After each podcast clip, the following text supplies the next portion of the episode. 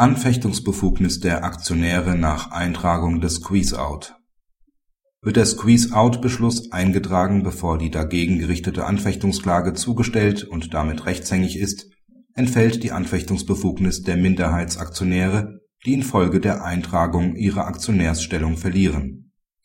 Die Kläger waren Minderheitsaktionäre der beklagten Aktiengesellschaft Sie wurden durch Beschluss der Hauptversammlung der Beklagten gemäß dem § 327a fortfolgenden Aktiengesetz aus der Gesellschaft ausgeschlossen. Die innerhalb der Anfechtungsfrist bei Gericht eingegangenen Klagen, mit denen die Kläger gegen den Squeeze-Out-Beschluss vorgingen, wurden erst nach mehreren Wochen zugestellt. Nach Ablauf der Anfechtungsfrist, aber vor Zustellung der Klagen, beantragte die Aktiengesellschaft die Eintragung des Beschlusses ins Handelsregister wobei der Antrag die Erklärung enthielt, dass eine Klage gegen den Beschluss nicht erhoben worden sei. Dabei war auf Seiten der Aktiengesellschaft bekannt, dass jedenfalls einer der Kläger eine Klage erhoben hatte. Dieser Kläger hatte zudem gegenüber dem Registergericht die Eintragung der Klage angezeigt. Noch vor Zustellung der Klagen wurde der Squeeze-Out-Beschluss ins Handelsregister eingetragen das OLG Köln stellt auf den gemäß § 253 Absatz 1 ZPO relevanten Zeitpunkt der Zustellung der Anfechtungsklagen an die Aktiengesellschaft ab und entschied folglich, dass den Klägern mangels Aktionärseigenschaft die Anfechtungsbefugnis fehlt, so dass die Klagen unbegründet sind.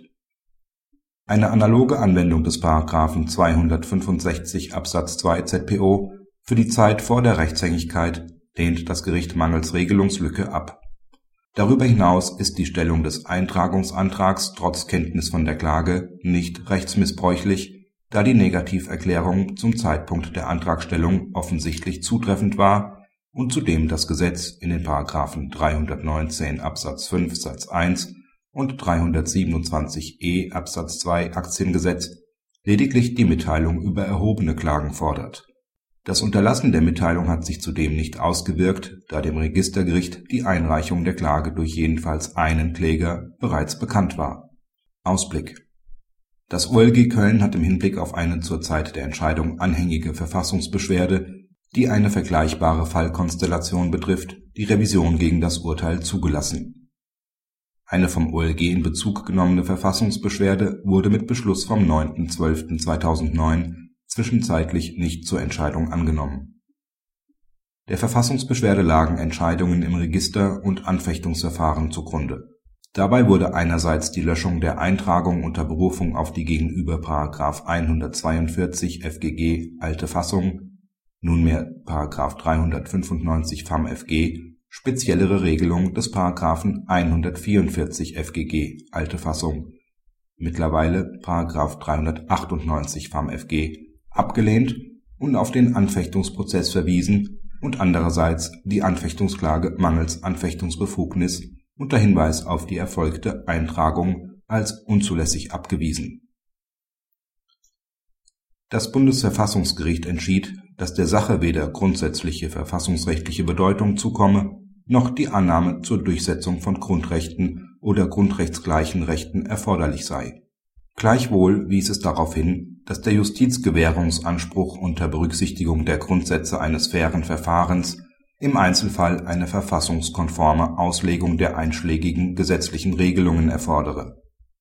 Die Garantie effektiven Rechtsschutzes ist verletzt, wenn für sich gesehen vertretbare Entscheidungen der Fachgerichte in der Zusammenschau dazu führen, dass den durch einen Squeeze-out ausgeschlossenen Aktionären nach der verfahrensfehlerhaft erfolgten Eintragung des Beschlusses Primärrechtsschutz verwehrt wird.